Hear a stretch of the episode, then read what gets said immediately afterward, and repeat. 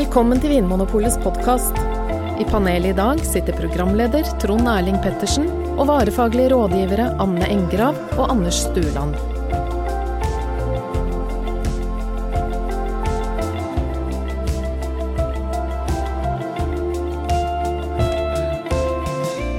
Hallo og velkommen til Vinmonopolets podkast. Med meg i studio som vanlig er Anne og Anders. Og eh, nå, mine kjære kollegaer, så skal dere få lov til å gjette hva Åge Steinar Strand jobber med. Vi har nemlig fått en mail fra en lytter som heter Åge Steinar Strand, og han skriver følgende. Dere skal snart få gjette.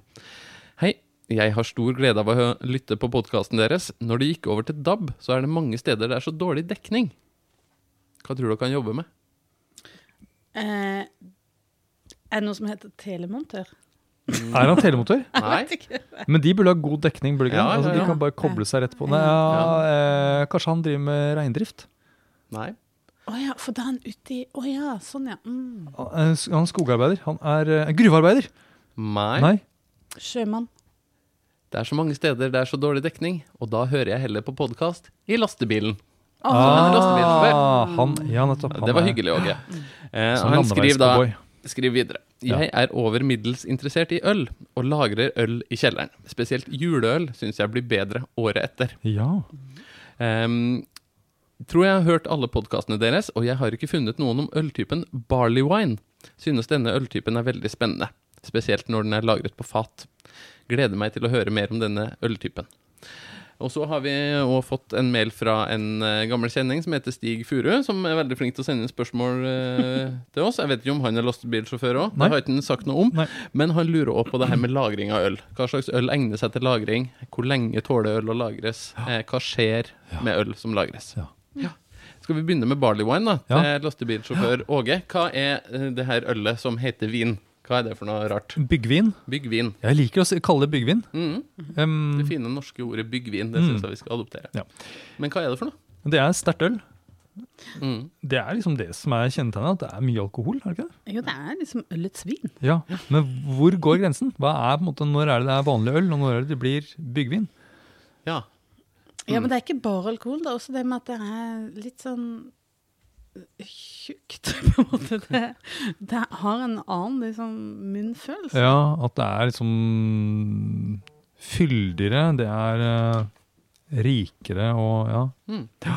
Nei, jeg tenker, ja. Men, eh, Kan et barley wine, eh, eller en, en byggvin, Ja. et sånt øl, kan det være både lyst og mørkt? Kan Ja det da, ja. smake krydra og fruktig og Eller er det liksom én smak på en barley wine? Mm, ja, godt spørsmål. Jeg tenker at de fleste av dem er ganske sånn maltpregede. Men det er klart at hvis det er mørkt, så kan det jo ha mer preg av det sånn kaffe, nøtt og knekkaktige. Ja, det, Er det- det risting av det lett brente i Mm. malten som gir smak til ølet? Og er det lysere, så har det mer sånn kornpreg som virker som noe sånn kokt korn, eh, havregrøt og Ja. havrekjeks og sånt noe. Ja. Mm. Men det de har til felles, er at de er relativt høye på alkohol. Det er Ja. ganske rike, alkoholsterke øl. Og mye av det der kornpreget. Ja. Det vil jeg, det vil jeg si. Ja. Men hva er det som gjør at det blir barley wine? Er det mengden? Eller byggvin, unnskyld. Mm. Er det mengden korn Ja, altså, ja. det? Ja, for å få mye For å få opp alkoholen, så må Ja. du ha mye gjærbart sukker tilgjengelig, og det kommer fra kornet, med mindre du tilsetter sukker i ølet. Og det er jo noe som gjøres i, i Belgia når du lager eh, kvadruppel, eksempel, som er ekvivalenten til Ja. barley wine eller byggvin. ja, Så vi kan sånn- jo egentlig snakke om er Vi kan godt ta med kvadruppel i, Mm. i denne gruppen med øl. Ja, litt sånn sterkt rikt øl, Ja. egentlig. Ja. Der, Mm. maltøl der det er brukt store mengder malt for Mm. å få mye gjærbart sukker Ja. i vørteren, Mm. og så gjæres det, og så blir det til et rikt øl med mye alkohol. Ja, så du, bry- det blir som å brygge en sterk uh, kaffe. Ja. Det blir mye smak, blir intense øl. Mm. Og hvor høyt alkoholnivå snakker vi? holdt jeg på å si? En eh, vanlig pils i butikken er jo på rundt 4,7 Mm. og så sånne IPA-varianter er gjerne fra 5-6 og opp mot 8. Ja, jeg tenker at du må tippe 10% altså 9-10% Ja. Mm. Så da er, det, er du på alkoholstyrke på nivå med en del hvitviner, f.eks., som er på Mm. en eh, 10-11 pluss. Og da er det ligger fra sånn 9-10 opp til eh, kanskje 15-16. Mm. Ja. Ganske eh, rike greier. Mm. Og kan være lagra på fat, som eh, Åge er Ja. innom her. Hva gjør det med, med ølet?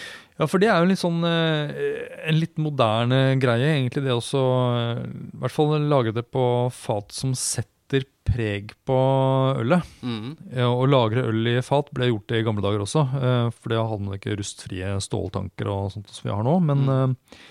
Men lagres øl på fat nå, så er det gjerne kanskje fat som har blitt brukt til whiskyproduksjon tidligere, eller sherryproduksjon eller noe sånt noe. Mm. Og da setter det litt ekstra smak på øl også. At du får noe sånn vanilje, tørket frukt eh, og sånn type aromaer i tillegg til dette maltpreget ølet. At det brukes mer som et krydder eller en ingrediens, nesten. Mm. ja. Eh, mer enn bare en sånn oppbevaringsbeholder, Ja. som i gamle dager. Og klart har det vært brennevin på fatet eh, før, så sitter det fremdeles brennevin i treverket. Mm. Og da liksom, første gangen det fatet da brukes til å lagre barley så vil det også få litt uh, mer alkohol faktisk Ja. til, um, Mm. til ølet. I tillegg til Mm. smak og Mm. aroma, ja.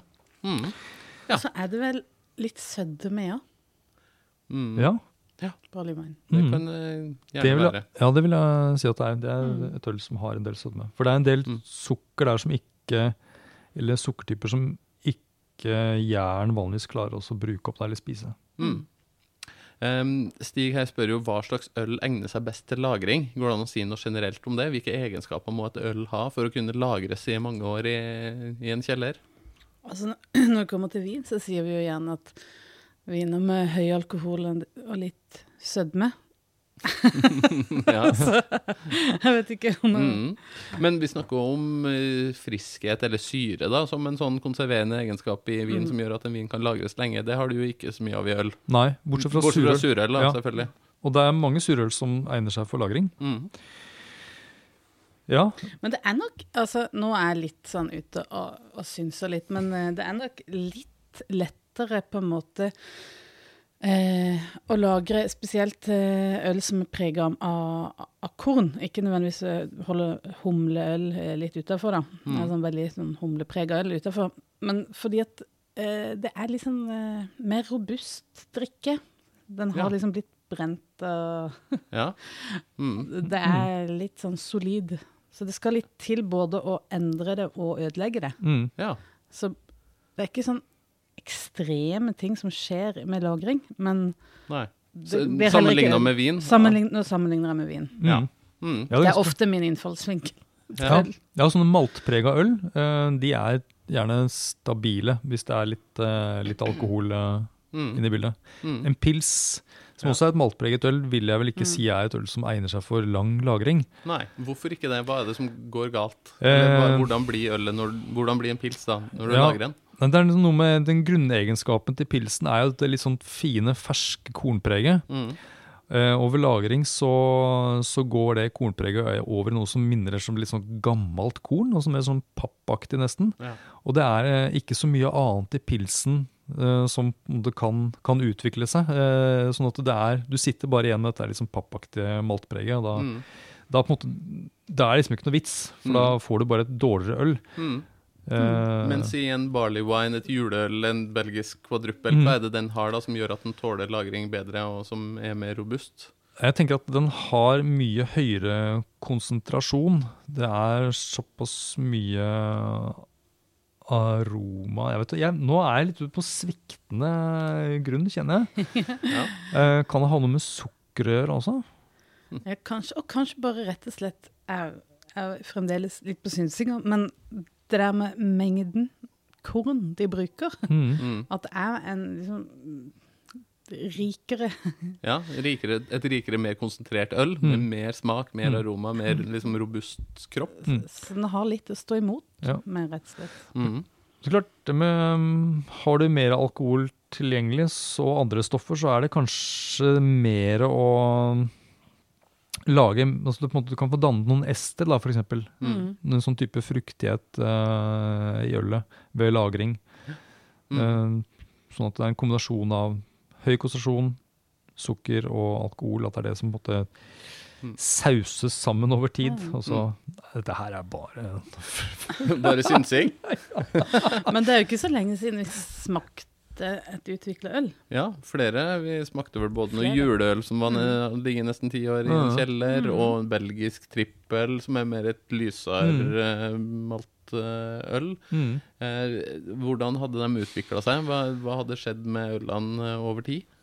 Ja, det blir noe sånn eh, nesten mer innslag av tørket frukt, tenker jeg. Det er nesten sånn sterkvinsaktig, eh, noe sånn sherry, tony-aktig aromaer. Mm. Som eh, jeg, Ja. tenke, som jeg tenker kommer i de litt mørkere ølene, i hvert fall. Ja, og, og er det de ølene som kanskje har litt preg av tørka frukt i utgangspunktet, og så blir det litt sånn forsterka? Kanskje, eller at det er noe som det kommer mer av. Mm. Uh, Og det er jo gjerne det som skjer med vinen nå. Hvis det smaker mørke bær av vinen, så får den mer preg av tørka frukt. det, med går i, ja, det går i retning av tørket frukt der. Altså, det er helt Mm. klart. Ja, og så Ja. tenker jeg at vi, vi smakte jo samtidig noen viner da, som hadde ligget like lenge. Og jeg syns jo at det hadde skjedd mer med vinene, da. Ja. Mm. Ølet var var så- mer likt sånn som det var da du la det i kjelleren. Det var ikke så store forandringer. Nei. Selv om det var noe sånn dybde. Det var noe liksom Kall det krydder eller tørka Ja. frukt, eller noe som på en måte var kommet i tillegg, men det var ganske sånn lett gjenkjennelig. Ja.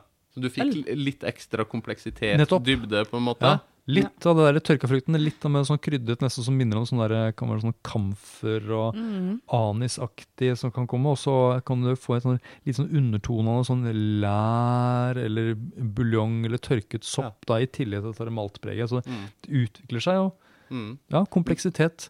Men, Men det er jo utgangspunktet var det samme, på en måte? Du kjente igjen det samme ølet som du ja, Mm. eh, som da, Sånn det var da det var ferskt ja. og nytt? Ja, det er interessant det med at vi, eh, vi smakte vin som var like gammel som eh, disse ølene. Og det er jo uh, utrolig egentlig at øl er såpass stabilt. Ja. Det er ma- sikkert mange som tenker at øl skal drikkes uh, ferskt, men det, er, det er, Mm. kan være spennende å, å lagre. Mm. Eh, sånn når det gjelder til mat, da, er det noen spesielle typer mat eh, man kan bruke en barley wine til, enten den er relativt ung eller relativt eh, lagra? Er det passet til noen spesielle typer mat? Eh, ja, det gjør den jo. Mhm. Den har jo så mange vinkvaliteter. det er bare tulla. Det er nesten like godt som vin, faktisk. Fornærmer jeg ølfolket. Nei, men det er jo en veldig god eh, sånn klassisk kombinasjon med barley wine er jo blåmuggost. Ja. Ja. Mm. Og gjerne Ja. litt sånn eh, blåmuggost, pepperkaker, den eh, Mm. typen der. Men gjerne Mm. også bare blåmuggost. Eh, Mhm. det har eh, Den har nok smaksintensitet da, til å takle en eh, litt sånn hissig og, og både Mm. salt og mm. intens Mm. ost. Ja. Mm. Er det noe sånn type middagsmat som det kan passe til? Eller er det for søtt eller for rikt eller Det kan bli kanskje litt heftig å ha gjennom et, en hel hovedrett, Ja. Ja. spør du meg. At den, Mm. at den vil fort tynge at det er mer som en sånn um, Mm. dessertvin. Ja. Mm, øl. ja. ja, det er sånn det. En dessert i seg sjøl. ja. Et meditasjonsøl. ja. Eller ja. kanskje til sjokolade og Ja. Mm. krydderkake. Når vi, når vi snakket om stiler i stad, så uh, Vi glemte vel å nevne sånn amerikansk barley wine, eller byggvin. Ja. Som det på en måte er jo eh, et sterkt øl som gjerne har mye humlearoma. Ok, så den på en måte britiske, de klassiske europeiske tradisjonen, der er det veldig maltdominert og ikke så mye humle? Ja, i hvert fall ikke så mye humlearoma, men det kan jo ha en del bitterhet for humle. Men Ja. For det er nettopp den der humlearomaen som ikke er så stabil, Mm. og som, eh, som Mm. ja, tenker at det ikke er så egnet for lagring. Mm. Så det kan jo være verdt å, å tenke over at um. Et uh, alkoholrikt, al alkoholrikt øl med mye sånn uh, humlearoma som går i rytme sånn furunål, basilicuma, sitrus og disse tingene her, Mm. det er sånn som gjerne ja, går over med, med sånne osteaktige og kanskje ikke så fine ting uh, ved Ja. lang lagring. Ok, da har jeg lagd et utkast til huskeregel her. Mm. Eh, hvis eh, liksom humlepreget minner deg om noe som liksom visner fort, eller Ja. fort blir dårlig, Ja, smart. egner seg ikke for lagring. Nei. Og så har jeg lagd en liten tese til. hvis du ville ha servert ølet iskaldt, egner det seg ikke for lagring. Hvis du ville ha servert ølet litt mer romtemperert, egner det seg for lagring. Ja. Sånn en kald pils kan ikke lagres. En barley wine som du kanskje ville ha servert på mer, jeg vet ikke, 10-12 grader eller noe sånt, egner seg for lagring. Ja. Og, Heng, det på grep? ja, absolutt. Og så er det alle disse her i, på en måte mellomkategorien, som er f.eks. juleøl som holder eh, 5-6 alkohol. Mm. Går fint an å lagre i eh, ett eh, til fem år, ikke noe mm. problem.